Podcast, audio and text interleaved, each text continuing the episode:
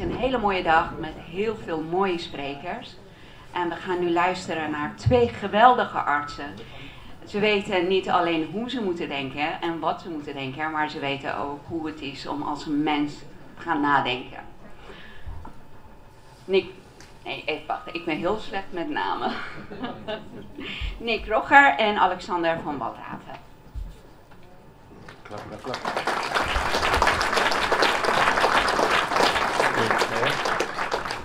Ik laat jullie zelf een beetje voorstellen en dan kunnen jullie beginnen met, eh, met de hele presentatie. Alvast bedankt. En ik ben heel erg benieuwd. Ja. Ehm, ja, we staan dus met z'n tweeën. Eh, kunnen jullie mij horen? Dus, eh, we dachten het eh, in eh, Nederlands te doen. eh, als dat voor jullie. Harder? Zo, ja. Hm, Oké. Nou, eh, de, mijn naam is Nico. Ik ben een van de artsen van het uh, telezorgteam. Zelfzorg COVID. Ik zit een beetje te klooien hier met de microfoon, maar volgens mij het wel. Ehm, dan wel het Nederlands Teleartsengenootschap. Wat wij gaan doen vandaag is eh, jullie wat eh, vertellen over eh, de behandeling van corona. Ehm, ik heb ergens een beetje een probleem met deze microfoon. Ja.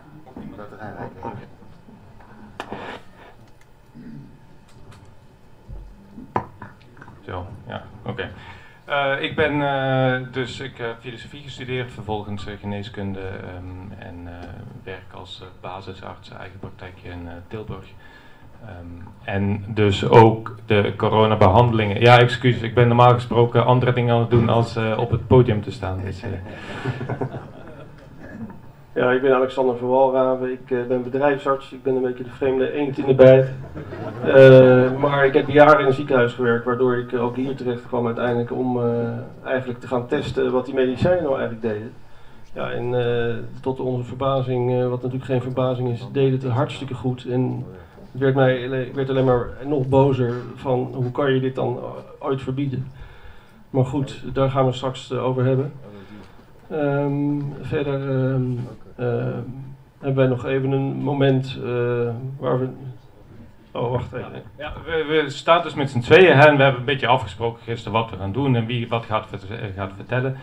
En we vullen elkaar dus eh, op deze manier aan. Wat we willen doen, en kijk, hè, iedereen kent waarschijnlijk eh, Selenko, Vladimir Selenko, arts in New York, inmiddels een paar weken geleden overleden. Hij, denk eens na hoeveel mensen niet zijn geholpen en zijn overleden door het feit dat dat wat hij heeft gedaan geen erkenning is, heeft gevonden, sterker nog, categorisch en heftig is tegengewerkt.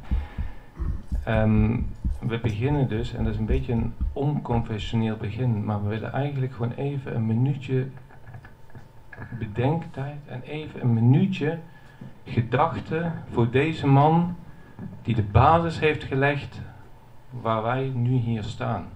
Ja, dus even één minuut. Ja, ik kom niet door. Goed. Het is bizar. Het doet pijn in het hart. Wij als artsen staan.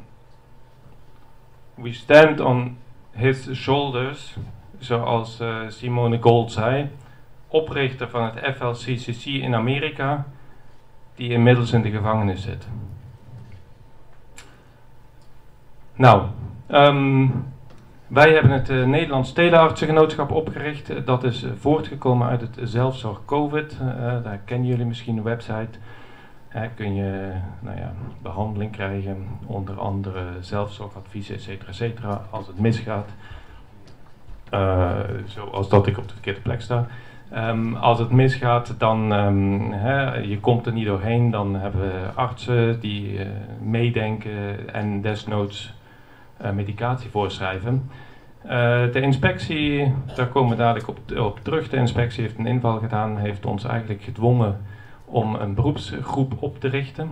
Dat hebben we gedaan. Beroepsgroep is in de wet niet gedefinieerd, dus gewoon een club mensen die hetzelfde doen.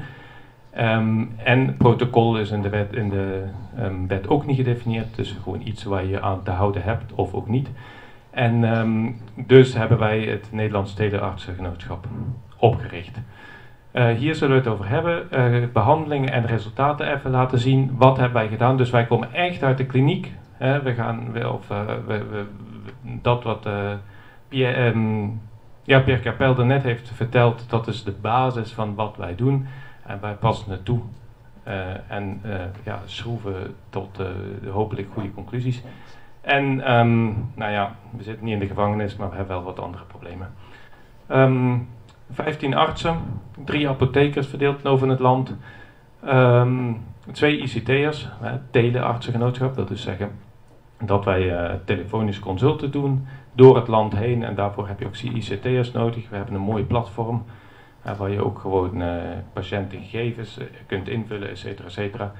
Um, dus we doen het hartstikke professioneel. Daar was de inspectie trouwens ook heel erg onder de indruk toen ze bij onze apotheker binnenstapten. Want ze dachten ze komen ergens in een keldertje terecht. Maar ze kwamen in een mooie, hoogmoderne um, apotheek. Mm. Werden, hè, kregen zelfs nog koffie en uh, twee uur werden ze onder de tafel geluld. Um, en daar hadden ze even niet mee gerekend. Hè. En op de vraag aan onze apotheker, wat ga je nu doen? Dan zei die, heren, ik wens je een goede middag, ik ga gewoon door. Eh, we hebben nog twee eh, vrijwilligers die de mails beantwoorden. Dit is uh, pagina weergave, dus kleine 4 miljoen views op de pagina zelfzorg COVID. Dus wij hebben een aantal, um, hebben wij met ivermectine behandeld, met andere middelen, ivermectine is er eentje ervan. Maar de impact is dus vele malen groter en dat weten we niet. Hoeveel mensen dat mogelijk door um, uh, kijken op de pagina en uh, um, nemen van supplementen, et cetera, uh, er toch beter doorheen zijn gekomen. Um, als je ook kijkt, dan heb je de voeding, je hebt de aanvullen, zelfzorg, ondersteuning. Nou, er zijn in principe goede 850.000 views. En er zijn altijd maar de single views. Hè. Dus als je een tweede keer op de site gaat, dan word je hier niet geteld.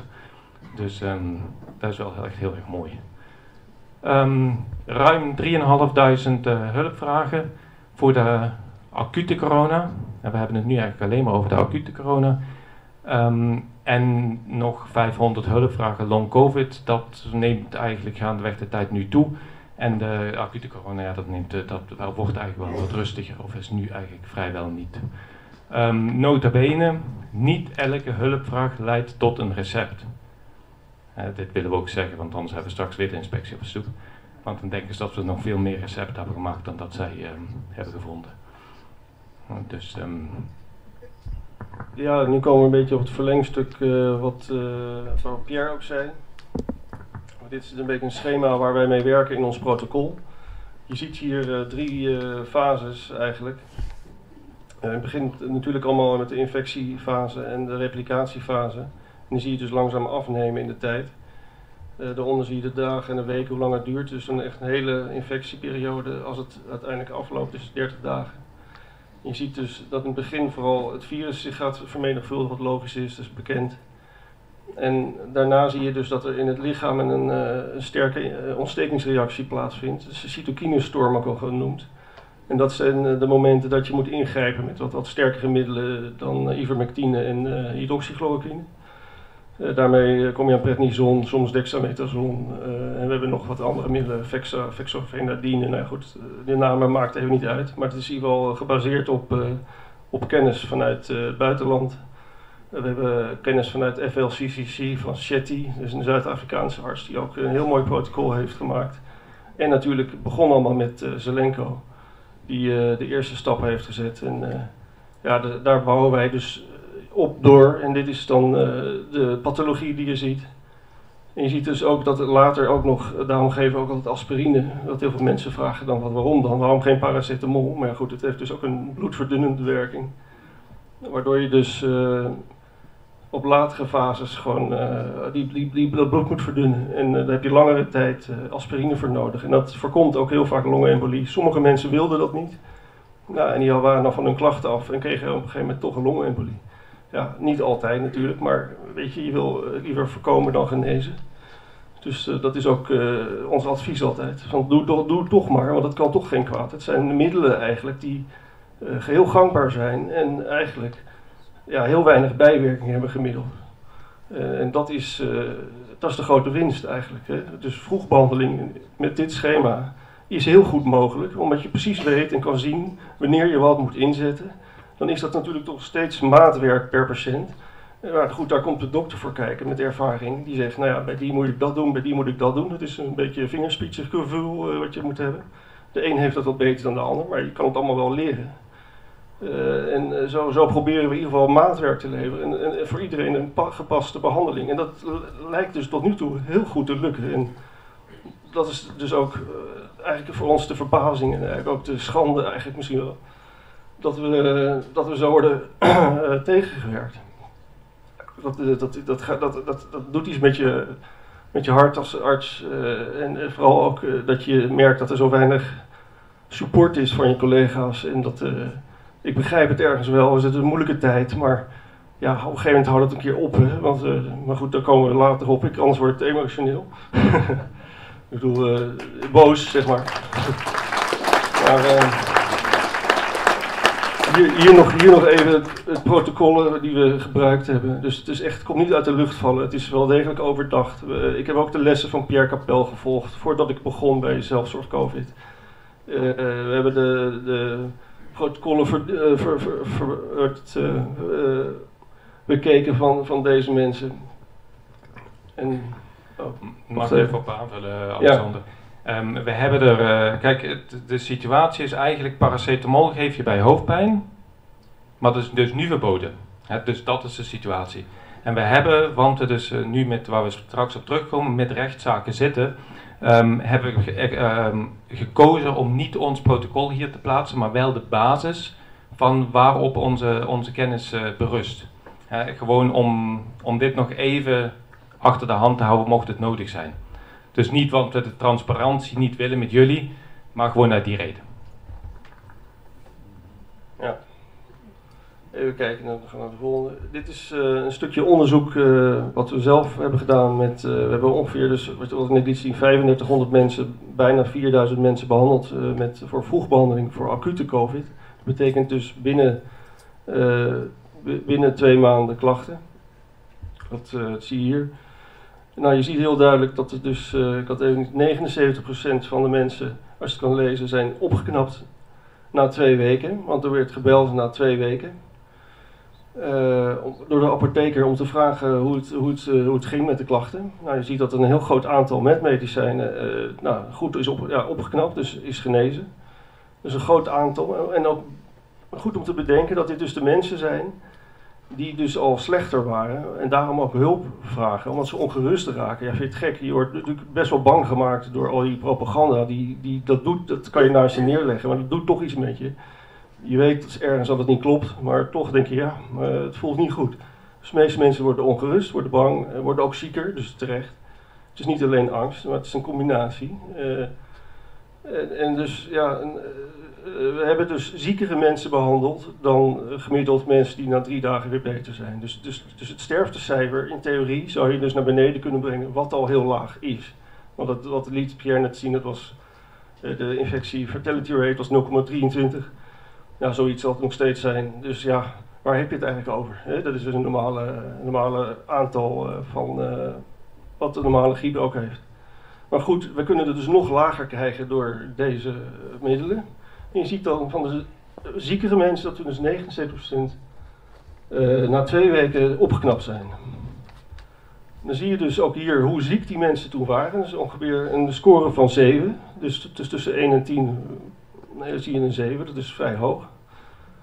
Uh, hier zie je dan uh, dat, hoe snel mensen eigenlijk gemiddeld hersteld waren na, na zes dagen. Dat is best snel. Dat is ook getest. Sommige wat langer en sommige wat minder lang. Ehm, de gemiddelde ziektebeleving uh, van de groep die dus nog niet helemaal is opgeknapt, is ook te, zien, die gaat van 7,6 naar 4,8. Dat betekent dat die mensen onderweg zijn om beter te worden. Niet allemaal natuurlijk, maar een deel, groot deel wel. En dan zie je hier nog de groep die dan uiteindelijk uh, van 10 personen opgenomen in het ziekenhuis, dat is van 2% van de mensen. Ja, die, dat zijn vaak, dat komt ook voor. Ik bedoel, we kunnen niet iedereen genezen, dat doet geen enkel middel, 100%. Maar je ziet duidelijk dat, uh, dat er heel veel winst te behalen is, hè, even globaal genomen. Uh, en de bijwerkingen zijn eigenlijk, ja, ze zijn er wel, maar uh, is niet een reden om dit niet te doen. van de mensen ervaart bijwerkingen en die zijn vaak ook mild en vaak ook geen reden om de behandeling te stoppen. Dit zijn nog wat meer getallen. Hetzelfde soort grafiekjes, maar met andere ingangspunt. En dan zie je hier bij de eerste grafiek, dat is even te klein, omdat de conclusie ervan is uh, dat, dat mensen, 60-plussers hebben ongeveer 33% meer hersteltijd nodig. Uh, en de kans op ziekenhuisopname uh, neemt iets toe met 8%. Dat geeft aan dat de leeftijd misschien toch wel een risico is. Dat is al gevoelsmatig aan te nemen. Wij, zien dat wel in onze cijfers. Een, groot onderzoek zal dat moeten duidelijk maken. Maar je ziet eigenlijk die tendens al die kant op gaan. Dus dat, dat, is, dat is dan ook wel weer logisch. De tweede grafiek laat zien, uh, uh, even kijken, dat is ook weer dat, de, dat de meeste behandelingen die binnen de vijf dagen zijn begonnen, dat de ziekenhuisopnames met 10% dalen. Dat betekent dus vroegbehandeling, hoe vroeger je begint, hoe minder, meer, minder ziekte je hebt, hoe minder ziektelast, hoe minder belasting voor de ziekenhuizen, maar ook vooral voor de patiënt. Uh, en de derde grafiek laat zien dat wat mensen boven de 100 kilo, uh, ja, gewoon, uh, even kijken hoor, wel, wel minder kans hadden op beter herstel en vaker in het ziekenhuis kwamen. Ook dat is een risicofactor natuurlijk, of natuurlijk, het hoeft niet, maar in dit geval zien we ook die tendens. En dat klopt ook uit andere onderzoeken. Ik geef het woord aan Nick. ja, nog uh, aanvullend moeten we nog zeggen dat er zijn drie patiënten van die 652 zijn overleden in, de eerste, of, eh, in, de in onze behandeling. Een aantal van de mensen zijn toch naar het ziekenhuis gegaan. Um, ja, dan ben je ze kwijt. Want hè, in de zin van we kunnen maar lastig nog in het ziekenhuis verder gaan met onze medicatie. Uh, dus die hebben dan niet verder meegeteld, maar er zijn dus drie van 652 die, die zijn overleden. Nou, dus is een heel klein getal. Um, nou, ivermectine werkt niet. dat uh, dat uh, vertelt Hugo en zijn collega's. Net als um, sorry, HCQ werkt dus ook niet. Daar vertellen ze ook. Nou, we hebben maar liefst 300 studies en hier 89 studies over ivermectine. die toch wel laten zien dat we bij 63%, als we hier kijken, op dit, dit dingetje ergens. Nou ja, 63% in de vroegbehandeling en bij HCQ 62% improvement for early treatment. dus um, nou ja, dat is toch een meta-analyse over een, nou, heel wat studies die um, mooi inzichtelijk zijn op deze um, lijst en uh, deze website, C19 HCQ en ivermectine, onder andere van Tess Lowry opgebouwd uit Engeland. en dat is dus het bizarre aan, het, aan de situatie dat wij deze, deze cijfers ook hebben voorgelegd aan het NHG. We hebben, deze, hè, we, hebben, we hebben ook gezegd, jongens, wij hebben de wijsheid niet in pacht, niemand heeft de wijsheid in pacht. Maar wat wij willen, doe onderzoek. Dit zijn onze resultaten, dit zien wij, dit kunnen wij, zien wij terug in de kliniek. Um, wat, wat, jullie zouden kunnen doen, is dus alle huisartsen uh, die protocollen geven. Hè, we hebben ze allemaal op tafel gegooid bij hun en gezegd, jongens, doe. En eind van het griepseizoen gaan we met elkaar aan tafel zitten en dan kijken wat werkt en wat niet werkt. Dat is gewoon onderzoek. Nee, je moet een studie indienen en dan, nou, huppeldepup, noem maar op. Nou, dan ben je dus een half jaar tot, tot drie kwart jaar ja, verder. Of dat, alleen als je het zo doet, net als Pierre Capelle net zegt, dan ben je binnen een week klaar. Um, maar ja, dat, dat, dat lukt bij ons niet. En, um, hè, maar, dat, maar dat is dus, dus bizar. Dus ze hebben ons doorverwezen naar ZonMW. Nou, ZonMW hebben gezegd, ze, hebben, ze, ondersteunen um, kleinschalige projecten met innovatieve ideeën. Dus wij dachten, nou, daar zijn we mee bezig. He, mailtje gestuurd, mm, telefoon werd niet opgenomen trouwens. Um, een mailtje gestuurd en op een gegeven moment terugverwezen naar het NHG. Ik zeg, ja, daar komen we net vandaan. dus uh, van kastje naar de muur. En dat is ons ding, dat we gewoon zeggen van, kijk, wij, doen deze behandeling en doordat het feit dat mensen ziek zijn, en we zijn echt geen ontkenners van corona, want we hebben genoeg mensen gezien die ook aan de telefoon gehad, noem maar op, die ook deels met zuurstof thuis waren en met medicatie weer opgekwalifaterd. Um, om te zeggen van jongens, waarom doen wij die onderzoeken niet? Daar gaat het om. Hè? En uh, ze hebben gewoon compleet de eerste hele lijn hebben ze uitgeschakeld. Ja, En dan krijg je dit. En uh, sterker nog, daar uh, komt Alexander niet op terug. Ja, ik wou toch nog even zeggen. Even kijken over die. Uh, nou, laten we even hiermee beginnen, sorry, anders wordt het een beetje verwarrend. Uh, ja, wat gebeurt er nu? wij, wij, wij zijn dus artsen, wij schrijven de middelen voor die nodig zijn. Vroege behandeling werkt. we zien het met eigen ogen, we zien het aan de getallen. biochemisch is het net uitgelegd door Pierre Capel dat, dat of in ieder geval, dit, dit is bekend dat dit gewoon werkt. Ehm, de inspectie heeft ons beboet voor het voorschrijven van ivermectine en doxychloroquine. Specifiek die middelen. Ehm, de NAG-standaard van de huisartsen laat uh, letterlijk zien dat deze middelen niet worden aangeraden voor de behandeling van deze ziekte. Wij zeggen dan maar, die is dan niet up-to-date. Maar ja, het lijkt wel alsof ze het gewoon echt ontkennen. Eh, in ieder geval uh, in onze ogen zeker, omdat er gewoon geen enkele bereidheid is, of geen enkele beweging is om zich te verdiepen in, in onze resultaten en gewoon ja, dit aan te nemen als waar, of in ieder geval te gaan onderzoeken. Hè. Ik bedoel, nou zo, nou, we hebben ongeveer 3500 mensen inmiddels behandeld. ook al zou je daar 80%, ik zeg maar even wat, genezen, dan is het al de moeite waard om te onderzoeken. Dus pin me niet vast op de exacte getallen, ga het onderzoeken en het kan een oplossing zijn voor heel veel problemen van de coronacrisis. Nou ja, dat gezegd hebbende. De inspectie heeft twee apothekers ingevallen, heeft alle namen van de artsen verzameld en uh, heeft uh, het blijkbaar nodig gevonden om na een paar maanden ons te beboeten met bedragen van, nou ja, die liegen er ook niet om, van vanaf 3000 euro voor ivermectine, en wat meer voor HCQ. En als je, als je afhankelijk van hoeveel recept je had geschreven. Dus dat is uh, per 50 gaat het, je, ga je dus omhoog met, met het bedrag. Nou ja, het totaalbedrag staat nu ongeveer 40.000 euro met 15 artsen. Ja, wij snappen dit niet. Dit is echt volstrekt niet te niet wat een inspectie zou moeten doen. Die zou moeten, ons moeten beschermen, eh, of ons in ieder geval onze volksgezondheid moeten verbeteren. Ja, als wij ons werk niet meer kunnen doen, dat, dat is natuurlijk zo duidelijk als wat, dan gaan er mensen uh, onnodige zieker worden of komen zelfs te overlijden. Uh, uiteindelijk op IC of in het ziekenhuis. Of in de thuissituatie gebeurt ook helaas nog, maar heel weinig, maar toch. Hè. Kortom, je kan heel veel voorkomen en wij worden eigenlijk nu gestraft voor iets wat we wat goed is. Dus dat is verwarrend. Dat is niet wat zou moeten. En dit valt ook niet meer uit te leggen eigenlijk. Wij zijn nu wel zo ver dat we zeggen, ja, uh, er is hier eigenlijk geen goede reden meer voor te bedenken. Wij zijn, wij zijn hier wel uitgedacht. Als zij nog een goede reden hebben waarom ze dit tegenhouden, ja, dan hoor ik het graag. Nou ja, sorry. Ik denk, sorry. ik wil niet flauw doen, maar ik, ik denk dat ik er wel een verklaring voor heb.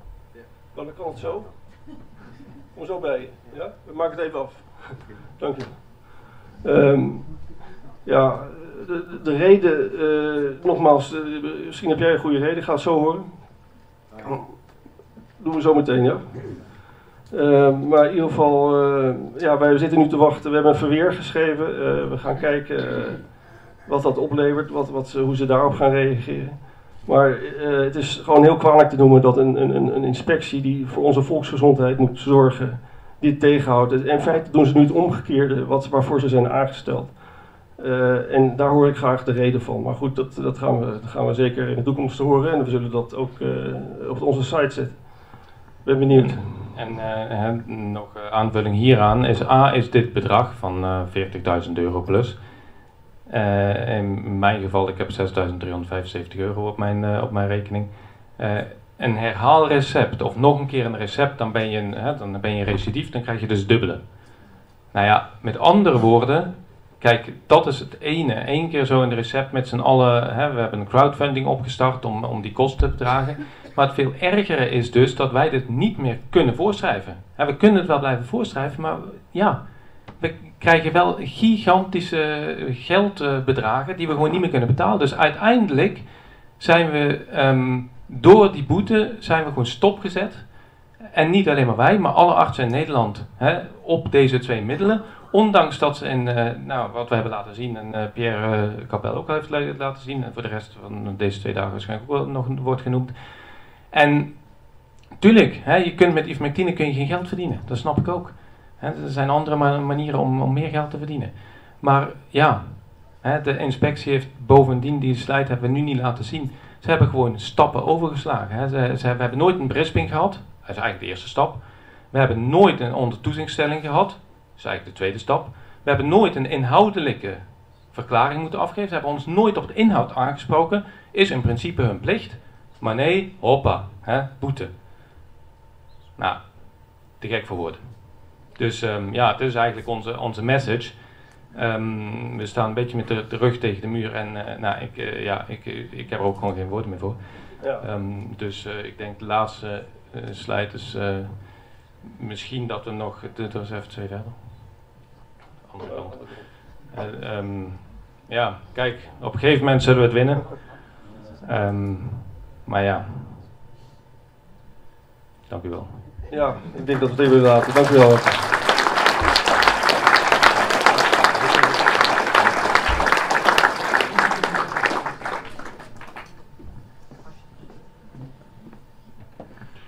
Dank jullie wel, Nick en Alexander. Het is ongeloofwaardig, het blijft schokkend.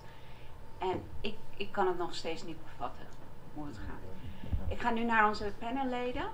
Theo Schetters, Willem Engel en Ivor Cummings. Wat is jullie eerste indruk? Ja, dat, eh, natuurlijk zijn we allemaal net zo geschokt, maar dit zijn we natuurlijk, mensen die dit volgen, zijn dit al maanden, want we kennen dit, uh, dit verhaal en de reactie van de overheid daarop. Dus uh, ik vind het natuurlijk extra schokkend om dan, dan de mannen te zien die hier hun nek voor uitsteken. En uh, daar wou ik ze nou eens een applausje voor geven.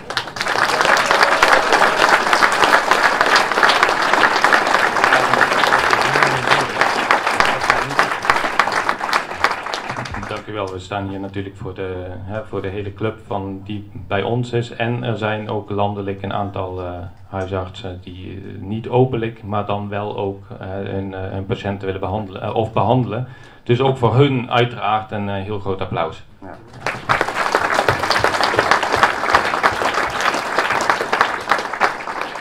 En ik had nog een vraag. Ik, ik wil ook eerst graag de oh, indruk van Willem en Ivor. En dan gaan we naar vragen als jullie dat goed vinden. Ja, uh, supergoed werk. Heel fijn dat jullie uh, wilden komen spreken. Uh, ik weet wat het is om het mikpunt te zijn van de overheid.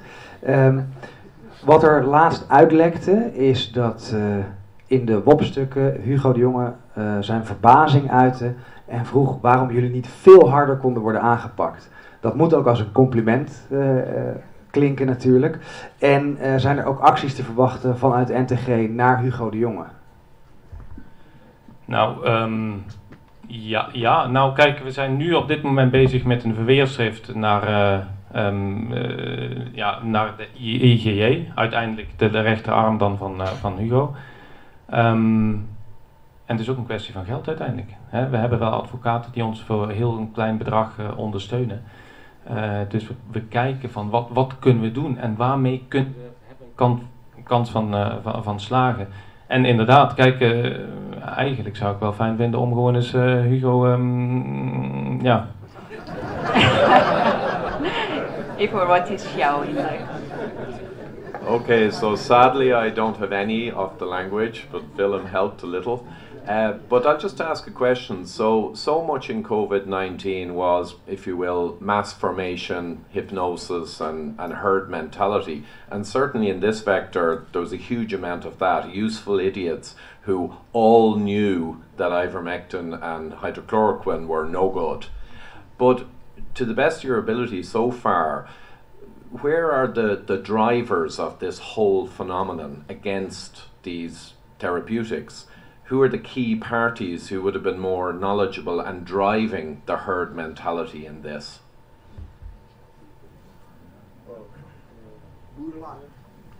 Um, ja, uh, ik, uh, ik, ja ik, ik, weet het niet. Hè, wie uiteindelijk de drijfveer is, wie uiteindelijk ervoor zorgt dat wij, uh, dat, dat, dat iedereen deze, deze mentaliteit volgt. En we weten ook niet van wie dat de NHG aangestuurd is om trouwens heel erg dubieus onderzoek te doen. Dat is ook iets. Kijk, eh, ze hebben in, de, ehm, in, in hun ehm, stuk over hun advies tegen ivermectine en HCQ hebben ze studies uit Columbia. Hè, de, ehm, er is één studie uit Columbia en in Columbia kun je ivermectine over de counter kopen. Nou, dan is natuurlijk die hele controlegroep naar de noppers. Want als iemand ziek is, dan gaan ze echt niet zeggen van ik zit in de controlegroep, ik neem die medicatie niet die werkt. Het is uh, zolang als ze dit soort onderzoeken gebruiken voor een van uh, en niet willend zijn om, uh, om, om, ja, om, om daarna de onderzoek te doen. Trouwens is, is die Magical app, moet je eens opzoeken, is wel leuk. de Magical app die onder ligt aan dat advies.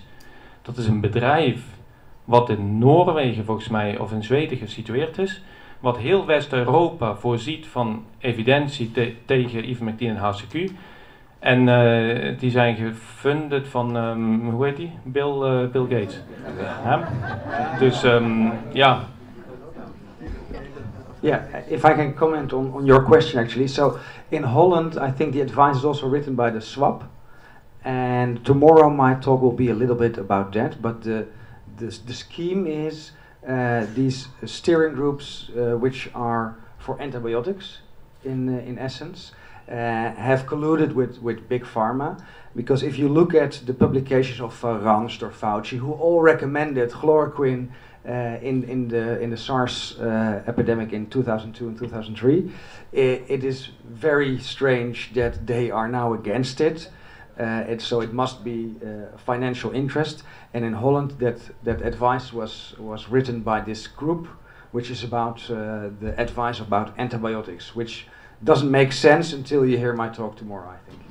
En, en, en maybe to, to, to, uh, of, of om hierop aan te sluiten. Het, uh, je, hebt, je hebt dus de chloroquine, dat is een antimalaria middel wat in de tweede lijn wordt gebruikt. Wat wij doen is hydroxychloroquine. Hè. Daar weet Willem veel meer over. Dat is een OH-groepje meer, dus een andere stof. Wat doet de inspectie in hun rapport? Nee, hè, chloroquine en hydroxychloroquine is dezelfde stof. Ja, kijk in de richtlijn. De farmacotherapeutische kompas zijn twee middelen.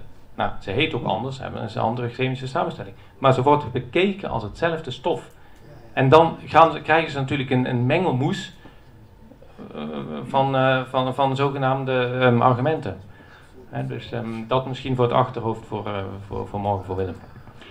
Theo, heb jij ook een vraag? Yes, as I said earlier, I have a question. I do it in English. At least Ivor understands what I'm saying. uh, so my question is actually, um, how does the, the, the inspection uh, view the forthcoming winter? Because uh, they have um, the, the ministry has announced that with the vaccinations that you've had until now, you are not protected for the new coming virus strains. That means that we might be have to rely very much upon other means to control this virus, and of which these two um, yeah, uh, chemicals uh, are crucial is there any discussion about how they see this happening then for the forthcoming winter? Or are we just going all in lockdown, of which we know that that doesn't work either? Yeah, that's a that's a good question. Uh, I think we can uh, will will vaccinate with the stuff that we don't know what happens uh, with uh, against a virus that doesn't exist anymore. Um, and um, and we have been writing. Uh, that's the other point there's uh, they, they, they find us on uh, upon the, the, um, the off-label prescription of ivermectin. The off-label pre prescription of uh, of um, quetiapine as an anti, uh, antipsychoticum, which you can use for for sleep problems. That's no problem. So we you, we ask them this question as well. You never get an answer. Uh, so if we uh, go and uh, exactly ask them, what do you think about next uh, month? Yeah. I don't know they they they don't answer us. And I have one additional question, and that might be something that will become apparent in the in the next month. Since ivermectin is known to bind to the spike protein, um, what do you think about the possible use of ivermectin to treat people who have problems after vaccination? I actually we actually use it huh, for for long COVID. Uh, uh, mostly long COVID is uh, after six months or three months. It depends a bit on the general practitioner. Um, and um, and then uh, long COVID, you have uh, uh, ivermectin and, uh, and uh, hydroxychloroquine that works uh, works good. And uh, we're now trying, or I've got a couple, uh, we, um, I can uh, talk about myself, I have a couple of uh, patients with vaccinations problems, which I, I treat with uh, ivermectin following the FL- FLCCC prot- protocol uh, for a couple of days to weeks. And they seems to have a good uh, effect. Uh, that's, uh, that's only a couple of uh, studies that we have. Uh, and we also say it's another indication, so we can just uh, keep on going because they can't find us on on that indication. Um, I hope, because if they do, they would admit that there's vaccination uh, injuries. Yeah, yeah, but that's a, a last remark on that one. Then uh, Holland seems to be the only country that doesn't have that. Because if you see in Germany, the discussions are already much more open about uh, vaccination injuries. So that would be a very strange argument. but but I think that that doesn't exist in uh, Holland, right? Yeah, yeah. Willem, do you, uh, do you have any more questions? Yeah, I have uh, another question. So last year we uh, fought a court case. Well, we fought many, but one was specifically about ivermectin. Um, uh, the father of one of our volunteers was admitted to the hospital, and they refused to treat uh, him with uh, with ivermectin or the FLCCC protocol. I think they wanted to use the the, the uh, Meth Plus. Um, and have you, have you gotten through this as well? That they want you not to prescribe it in the first line, but they're also blocking it in the second line. Although, uh, with the questions and freedom of information requests we did towards the RIVM, is that we know that they bought huge quantities of hydroxychloroquine and ivermectin, and they say this is for the second line controlled studies. But where does it go? Yeah, that's a good question. Of course, uh, we don't know either. But uh, what what uh, I like to remark is that we uh, we treated uh, secretly uh, patients in the hospital with these medications, and we saw often that these patients were recovering within a few days, and the, the doctors were very surprised all the time, and, and we laughed about it. Yeah, and one more. Um, you see these cheap medicine which are effective, and on the other side there's dexamethasone uh, and uh, midazolam and remdesivir. So how do you see those uh, therapeutics uh, working out with uh, COVID-19 patients? No, the, the, the, the, treatment of the hospitals is not uh, as bad as, as, as we think, of course. This, these, these medications are really doing good things, but they're more treating the symptoms. And with the, with there is some uh, evidence that in late treatment of uh, COVID with ivermectin and hydroxychloroquine is, is effective. So you should try it in the clinical phase, uh, and is in the hospitals but it has no real no real bad uh, interaction uh, with the other medications. And then of course I knew all the time uh, when I was prescribing that, and my colleagues also, that what what for, what kind of medication uh, were given, because we, we don't want to get people uh, ill, because we are treating from the side. But well, in, in the name of the patient and uh, the good case, of course. Thank you very much. Do you have any question? I might just make one more comment on uh, vitamin D, and I'm not sure if you're close to that situation. But interestingly, in the summer of 2020, the FDA sent injunctions to some health websites, not for promoting or selling vitamin D in the context of COVID, but just for discussing its relevance. So very early on, there was clearly, you know, a very aggressive stance on any potential therapeutic that benefits. And I was guessing, and I might get your thoughts, that, and this is back before the vaccine, I guess the vaccine emergency use authorization will stipulate, will require that there are no kind of practical treatments. Do you think that that's one of the primary drivers behind this mass groupthink that emerged against any and all treatments and relevant kind of interventions? Uh, I would almost say is grass green, but I don't. Uh, I did uh, I think it, that might be a very good reason that there is some, in, in my opinion, not logic reason to, to avoid uh, early treatment at all costs. Uh, but I don't can't prove it, so I like I like to know the reason that what what it is. From from who I don't know.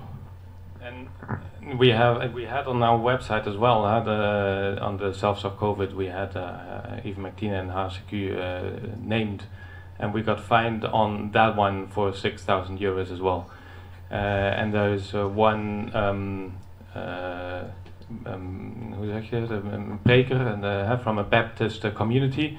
He's been talking on his uh, speech on uh, the working of ivermectin, and even he got a fine of 3,000 euros, but actually the uh, the, uh, the, the, the the inspection they, they are only there to treat of to to to fine um, or to to check. Yeah, they're actually uh, checking uh, uh, healthcare professionals they're not there for for for treating or, or finding uh, um, uh, normal uh, citizens. Mm, So yeah. Thank you very much. Now uh, we can take a few questions from the public. Do, uh, is anybody?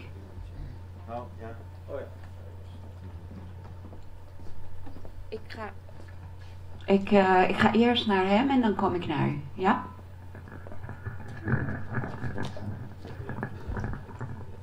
Het klinkt misschien heel afgezakt, maar volgens mij is het gewoon zo dat de in- inspectie gewoon zijn eh, oren heel erg laat hangen naar de farmaceutische industrie. En dus voor de farmaceutische industrie is natuurlijk alleen maar geïnteresseerd in ja, vaccins, omdat ze daar veel meer aan, aan kunnen verdienen.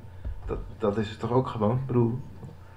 ehm, Ik, ik denk eigenlijk dat, het- dat het antwoord is, maar eh, ik heb het nog niet hardop horen zeggen voor degenen die verantwoordelijk zijn hiervoor. En eh, dat zou misschien een keer tijd worden, als het zo is. En die, die kans is eh, erg groot. En ze gaan wel overlijken. En dat doen ze sowieso, maar in deze dus ook. En ik vind het, ik wil nog even zeggen, ik vind het fantastisch wat jullie aan, allemaal, allemaal doen hoor. Daar gaat het. Ik vind het geweldig wat jullie doen.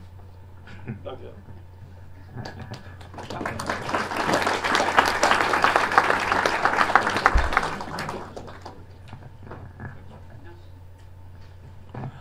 I have a. Oh yeah. Okay. I have probably a very odd question uh, or suggestion. Uh, so the the two, ivermectin and, and hydrochloroquine, are working against schurft. I don't know the English word and uh, malaria, isn't it? Yes, correct. What if you treat your patients by giving them schurft and malaria?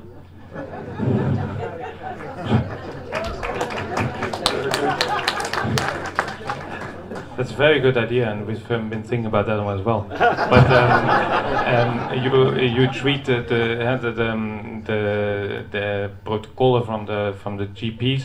It's uh, treating scabies with one one dose once and maybe two weeks again.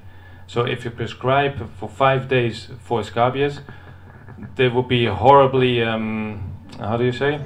Uh, suspicious, and they they would say you have a very very aggressive uh, scabies. They don't, uh, they won't take it.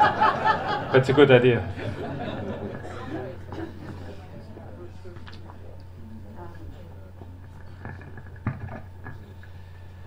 Uh, eventjes over de boetes.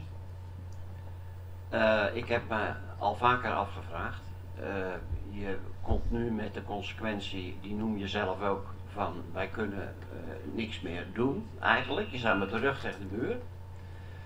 Uh, wat, wat zou het voor een idee zijn om, laten we zeggen, gewoon toch door te gaan? Want dit werk is natuurlijk voortreffelijk wat jullie doen.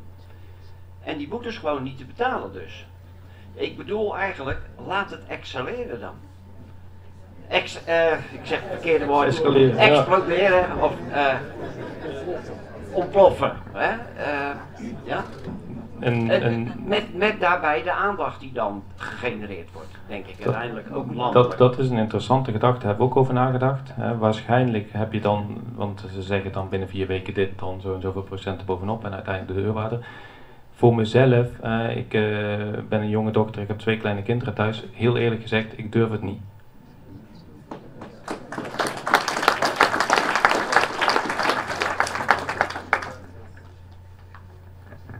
Any other questions?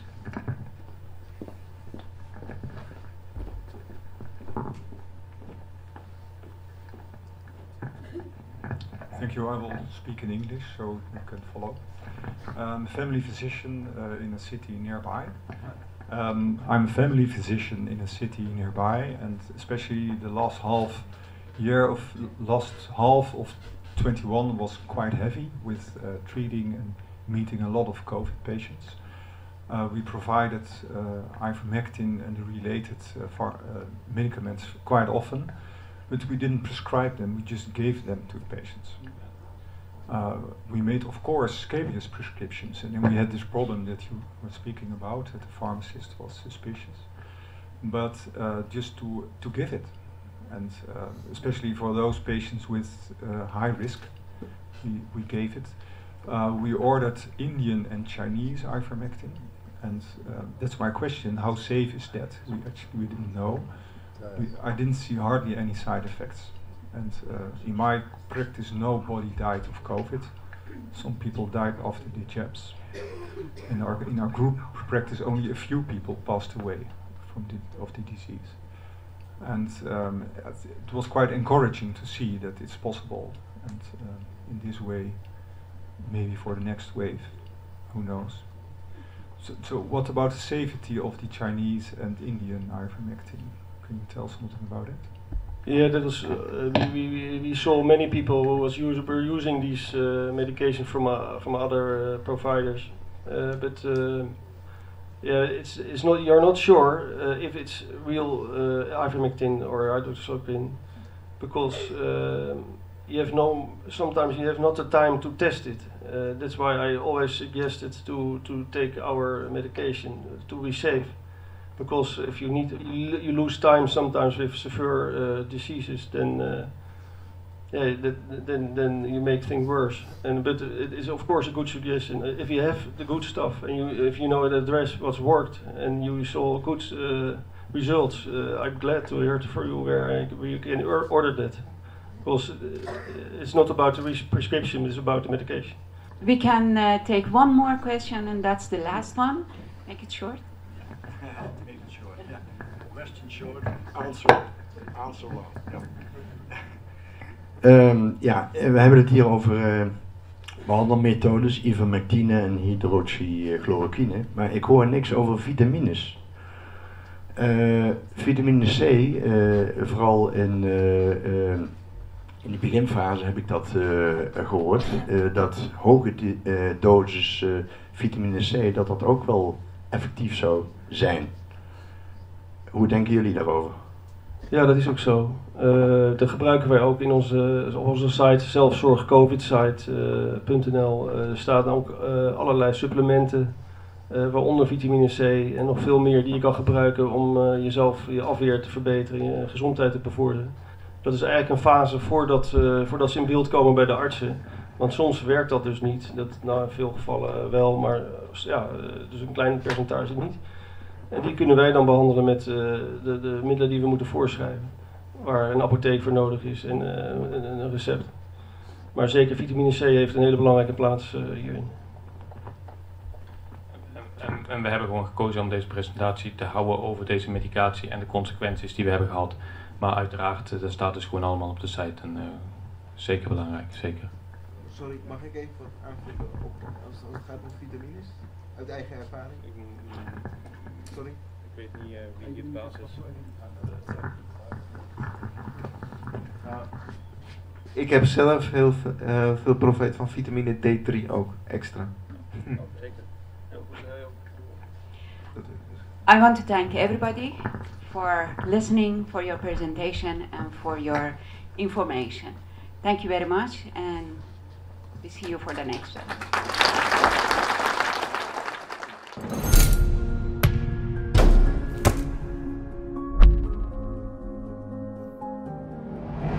Van harte welkom bij de Amsterdamse Science Summit, de International Science Summit vanuit Amsterdam.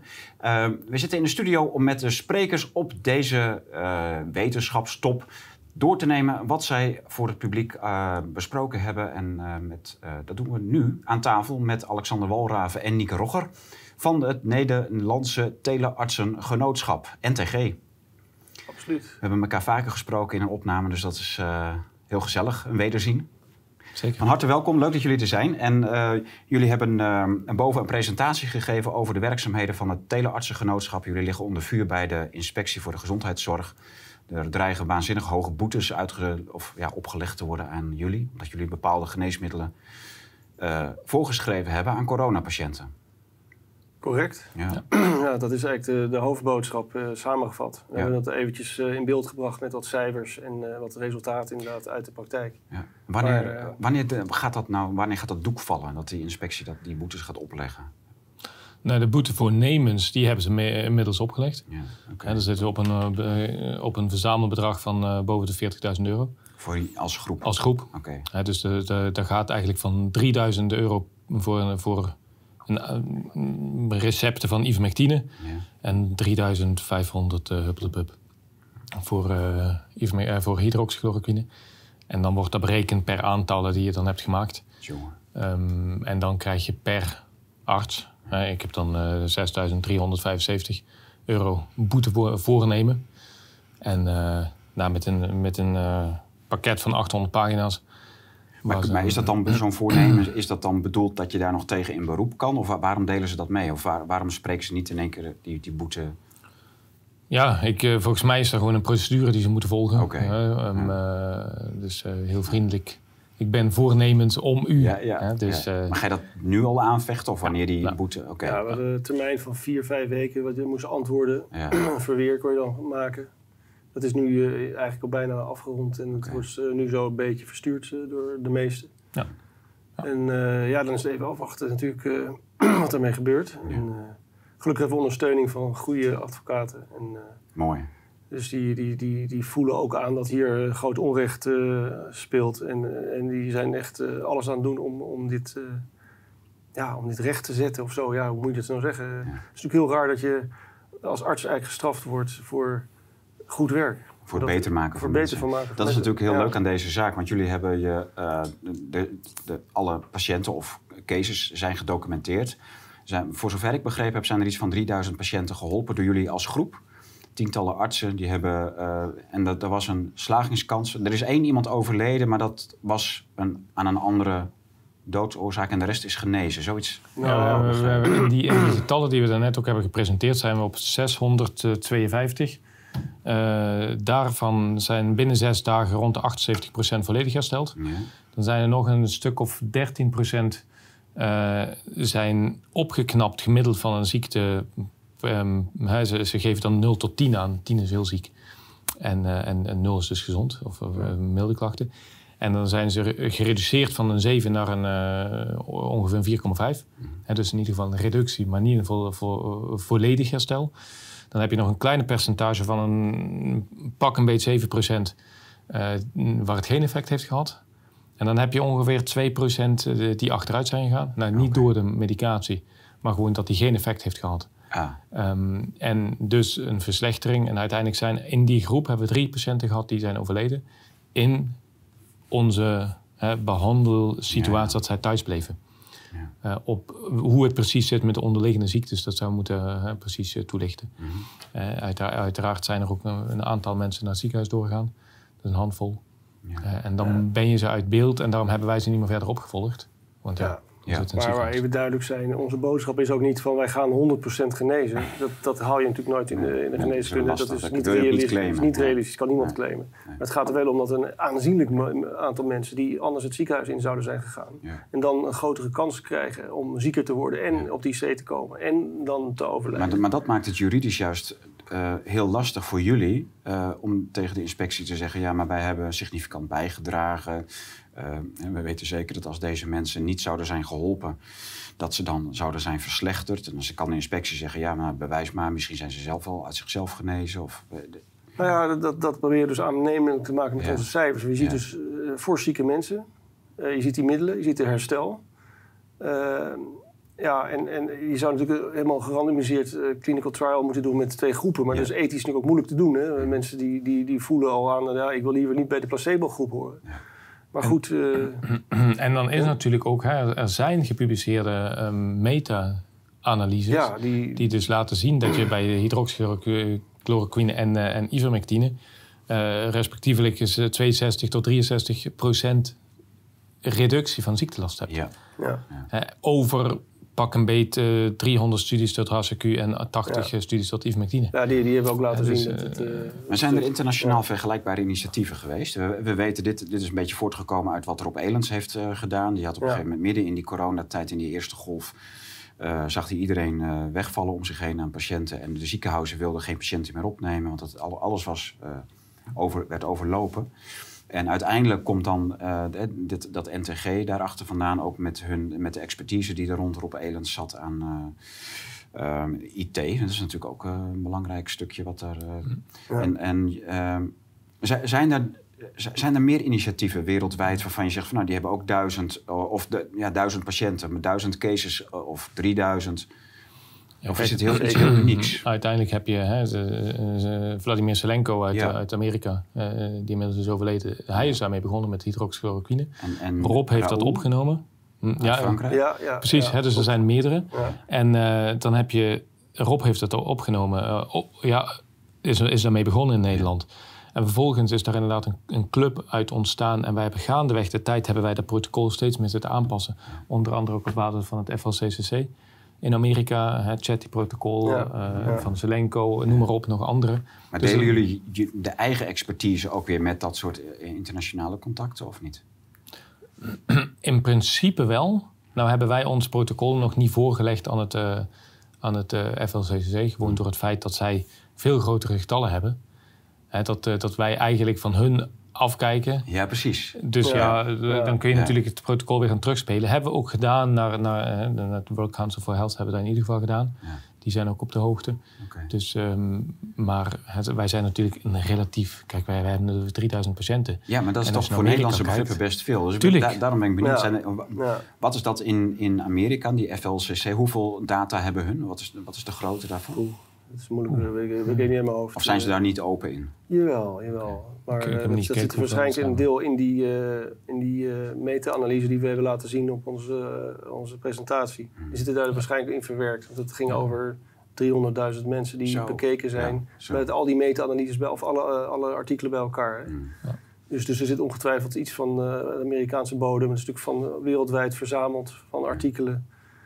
Eh, met grote aantallen mensen. En ik, ik hou niet helemaal bij precies welk land, hoeveel aantallen. Dat, eh, maar ja, het is natuurlijk wel belangrijk. Ja. Maar eh, dat heb ik even niet op mijn netvlies. Nee.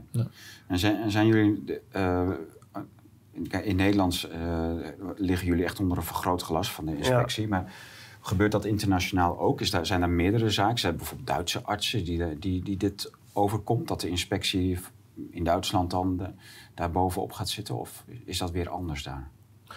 Het, ik weet niet hoe het in, in Duitsland is. Ik weet in, in Zwitserland is bijvoorbeeld ivermectine toegelaten voor het eh, van de eh, geneesmiddelenwet, Ja, ja. maar het is niet op de markt. Ah, En er er is dus een apotheker heeft me een keer uitgelegd hoe dat zit. Je hebt dus wel de, de toelating, maar het, is, het wordt toch niet op de markt gebracht. Nou, er zit op een of andere manier een stap in. maar je kunt dat als apotheker vrij uit India, China, kun je het halen. Zou, eh, precies, zou je, het, eh, zou je het wel kunnen doen. Ja. Ehm, maar ik heb daar nog geen apotheker gesproken. Ik weet wel dat daar, een, een, een- daar heeft, eh, heeft de letterlijk de inspectie een, de huis doorzocht bij een arts. En is gewoon binnengedrongen en heeft gekeken, heeft hij ivermectine in huis? En zo ja, dat had hij gelukkig niet. Maar anders had hij natuurlijk... De- en dan is het toegelaten, maar niet... maar je mag het niet in huis hebben. En je mag, hij mocht als arts mag hij niet gewoon de patiënt pilletjes geven. Dus dat moet wel via de apotheek. Ja, ja. Ja, maar er, Dus, er eh, zijn wel verhalen wat we ook lieten zien in onze presentatie. Dus dat, dat in Amerika een, eh, echt een eh, vooraanstaand arts die heel erg eh, actief bezig was met promoten van eh, de behandeling van, eh, van COVID. eh, in de vroege fase, dat hij nu gewoon in de gevangenis zit. Die wordt 60 dagen nu opge, opgesloten. Ja, dat gaat best ver. Dan denk je, jongen, als dat hier ook gaat gebeuren, ja, dan, Ja, eh, ja. zitten wij niet zo, zijn we hier niet goed bezig met z'n Ja, tweeën. ja. Maar ja, wij staan voor onze eten en dan zeggen ja, kom maar. Ik, Ja. eh, ik wil eerst graag een reden horen van waarom waarom dit, waarom zo eh, dit gedrag, waarom dat straffen, in onze ogen straffen en beboeten, terwijl je niet bezig bent met de resultaten. Ja, dat is een hamvraag. Daar komen we natuurlijk zo op. Ja. Ehm, Daniel van der Tuin die heeft de laatste documenten naar boven gewopt uit de, Ja. van VWS in de tijd van Hugo de Jonge, toen als Mhm. minister. eh, waarin, waarin je duidelijk ziet dat eh, Hugo de Jonge als minister eh, zijn ambtenaren en ook de inspectie de vloer, of ja, de mantel uit, uitveegt. Hè, de- met, waarom bepaalde artsen niet aangepakt worden, waarom bepaalde praktijken nog niet eh, bestraft worden. Dus waarschijnlijk is dat Rob Elens met het Ja. gebruik van HCQ en ivermectine Ja, daar werd zelfs gezegd, waarom eh, beoefent hij zijn ambt of zijn vak nog uit? Ja, dat, eh, dat, zo- ja, dat, stukje heb ik ook gelezen. Ja. Ja. Dat is natuurlijk wel, ja, dat is natuurlijk heel erg. Dat er, dus dat, maar daaruit blijkt ook dat die inspectie aan het begin helemaal niet zo zat te springen om dit soort gedrag. Nee, deze initiatieven zijn aan alle kanten niet serieus genomen en gedwarsboomd. Dus dat is duidelijk door die, eh, die WOP-verzoeken. Ja, maar dat, dat is een politieke invloed geweest vanuit het ministerie op de geen, inspectie. geen medische eh, invloeden. Misschien zijn ze, eh, zijn ze geadviseerd door de RIVM. Eh, Kan ik me niet voorstellen per- persoonlijk. Misschien is het een, een eenzijdige actie van de minister. Of, maar ja, de reden is, is volstrekt onduidelijk. In ieder geval, er is geen goede medische reden in onze ogen om te, om te denken aan van... Oh, oh, daarom is dat oh, natuurlijk. Hè? Bedankt, fijn. Maar dat, dat, dat, zie ik niet aankomen. Ja, en het is eh, die. ehm, het, het, eh, komt inderdaad duidelijk eh, uit voort dat de inspectie is aangestuurd. En de inspectie, daar weten we ook van, van, van iemand die daar ook activiteiten heeft of heeft gehad. Eh, dat de inspectie geen stappen onderneemt op het moment dat hij weet eh, dat er juridisch weinig te halen valt. Hè, en, eh, en desondanks, en, en de argumentatie is, is, is ja, dit- dat was veel, ja, het is gewoon onzinnig. Desondanks pakken ze ons aan. Hè? En daar hebben we de vorige hebben we ook. kijk, normaal gesproken hebben we het er net ook even genoemd. We hebben geen, geen slide van, maar de inspectie heeft in principe vijf stappen. En de eerste stap is een, is een berisping. Ze, moeten je, ze moeten je onder toezicht stellen. Ja, tweede tweede stap. gebeurd. Nee, ze moeten je inhoudelijk moeten ze met jou in gesprek gaan. Van wat is er nou gebeurd? Bij een calamiteit, wat is er nou inhoudelijk gebeurd? Bij ons ook, hoe gaat het met de patiënt, et cetera, et cetera. Want we hebben geen calamiteiten. Hmm. En desondanks gaan ze meteen naar de bestuurspoed. Ja. Ja, dat kan dus eigenlijk niet. Maar dat betekent dus ook dat hè, dus, ja, die hamvraag, eh, wat je net al noemde, hè, waar, waarom eh, dit soort gedrag voor een geneesmiddel wat werkt, wat, eh, althans wat een, wat een groot genezingspercentage laat zien. En als je dit aan de rechter uiteindelijk voor, bij de rechter aanvecht, deze boete, dan, dan kan dat toch alleen maar falen. Ik, ik, ik, denk, ik denk van wel. Ja. Ja, ik denk het echt. Ik, ik heb aan alle kanten mijn hoofd gebroken over hun, hun, hun redenen en, en, en de, en de art- eh, geneesmiddelenwet 68 en eh, in verdiept in waarom zouden ze zo eh, willen ze doen ze het uit veiligheidsoverwegingen of hè, waarvoor Ja, ze onder druk van de minister. Ja, dat is, Dat, dat, is is het enige eigenlijk. wat je nu achteraf kan Eigenlijk hebben we, hebben we die conclusie nu moeten trekken. Maar ik denk, ja, dan nog, kan ik me als arts niet voorstellen dat je denkt... Ja, dan heb je dus ook, dan is een mensenleven niks waard. Ik bedoel, dat is een grote uitspraak, maar dat, dat is dan mijn conclusie. Ik denk, ja, wat, wat, wat boeit je dan nog wat wij doen? Als iemand doodgaat, maakt niet uit dus.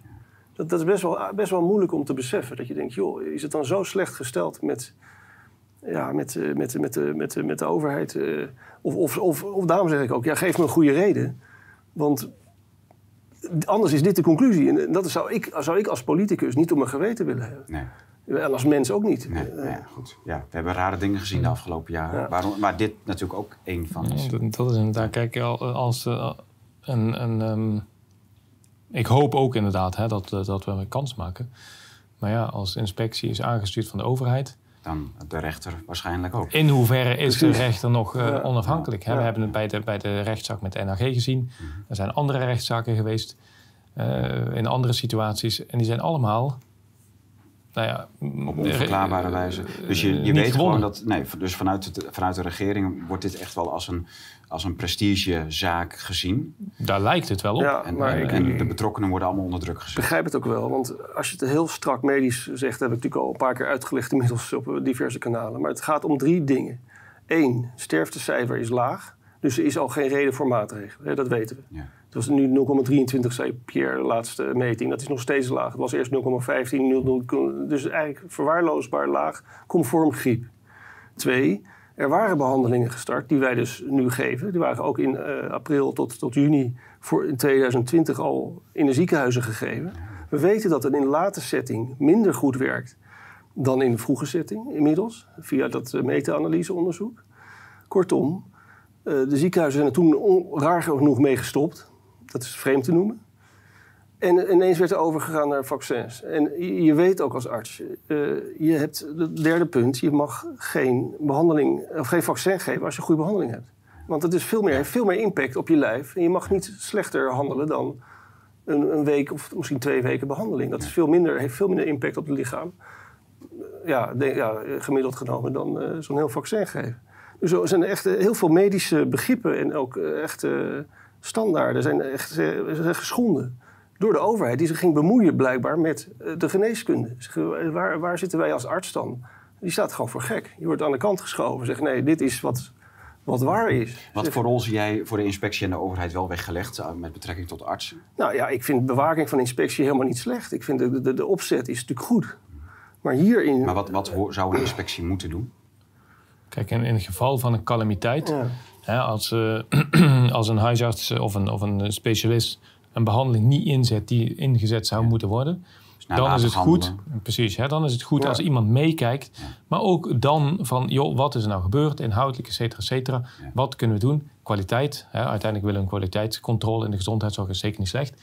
Hè, ervoor zorgen dat er, nou, het is één keer gebeurd, kunnen we voorkomen dat het weer gebeurt, et cetera, et cetera. En daarvoor, maar dan, dan ga je dus uit van een bestaande calamiteit. Hè, een verkeerde been afgezakt, bijvoorbeeld. Dat is eh, een heel heftig voorbeeld. Maar ja, dan heb het je wel reden. wel dat soort dingen gebeuren Precies, hè, dan heb je wel reden dat iemand gaat meekijken van... joh, wat is er nou gebeurd? Ergens in het proces niet helemaal goed gelo- gelopen. Maar hier is het dus geen calamiteit. Nee. Geen enkele. Nee. In, ja, in, in jullie, Alleen maar dank, dank, ik voel me bijna ongemakkelijk inmiddels voor Ja, eh, eh, eh, die dankbaarheid die je altijd maar krijgt. Ja, ik doe gewoon mijn werk. Eh, Die middelen werken en je krijgt het omdat je het nodig hebt. En, dan moet ik dan...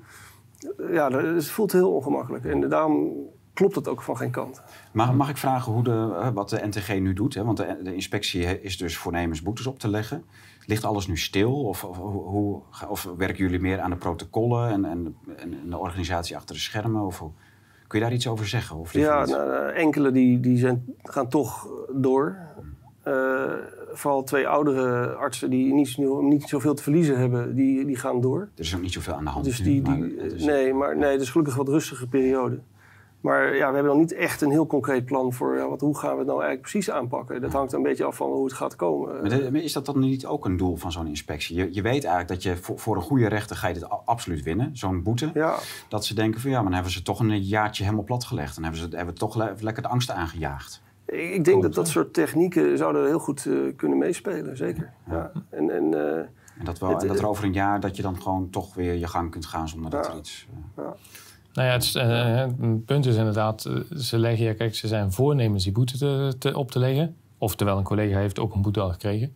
Ja. Ehm, maar in die brief staat dus ook bij recidief Ja. verdubbeld de boete. Ja. Dus die zin zit er ook in.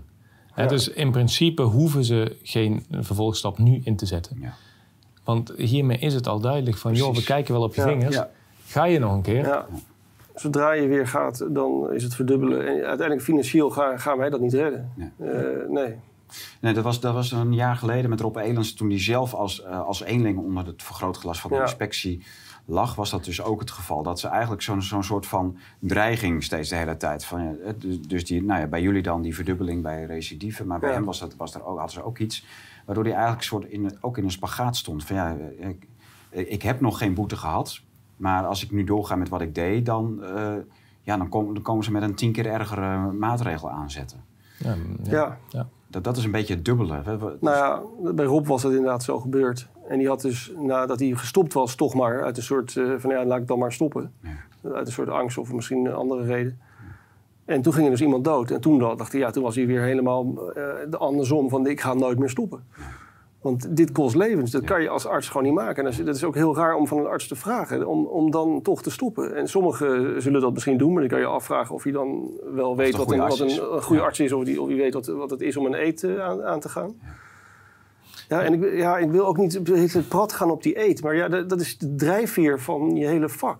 Als je daaraan gaat tornen, als overheid ga je die eet eigenlijk niet serieus nemen.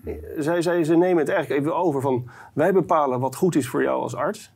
En hoe, jouw eet, hoe jij je naar je eet moet gedragen. Ja. ja, dan kom je aan iemands persoonlijke eh, werkwijze... persoonlijke leeft, eh, leefvorm. eh, daar mag je niet aankomen. En ik, ik, ik, ik heb altijd heel erg sterk voor mijn eet gewerkt. En eh, ik, ik ben echt niet perfect. Ik maak ook fouten. Maar ik, mijn intentie is om zo goed mogelijk werk te leveren. en eh, ja, het, is, dat, het raakt mij echt als arts heel sterk. En dat hadden we allemaal, alle artsen zitten, daarom zitten we als een klein clubje, zitten we allemaal op één lijn, een hele hechte groep. En eh, ja, wij, wij, wij zijn daar echt, eh, ja, wij, wij gaan de strijd aan. We, zijn, we, we staan er klaar voor. Ik ben heel benieuwd eh, hoe ze, wat hun antwoord gaat zijn op, eh, op, hun, op hun gedrag. Wat, wat is de reden, hè? Wat, eh, wat is de, de echte reden waarom ze dit doen? De, de, en nogmaals, dat heb ik ook al eerder gezegd, er is geen goede reden. Nee. Ieder geval, Ja. ik kan hem niet bedenken. Nee. Nee, duidelijk. We hebben- Je kunt gissen naar wat er nou echt achter die schermen gebeurt. Nou ja, de- dan zo'n zo'n gewopte brief eh, ja. ge- verheldert heel veel, denk ik. Ja, het eh, suggereert wel wat. Ja. Eh, wat, eh, wat zijn de verdere doelen van de NTG? Nee, we willen in ieder geval hè, ook uitbreiden van de acute corona. Nu zeker zijn we ook gestart trouwens met, eh, met, eh, met het platform voor het behandelen van long covid. Kijk.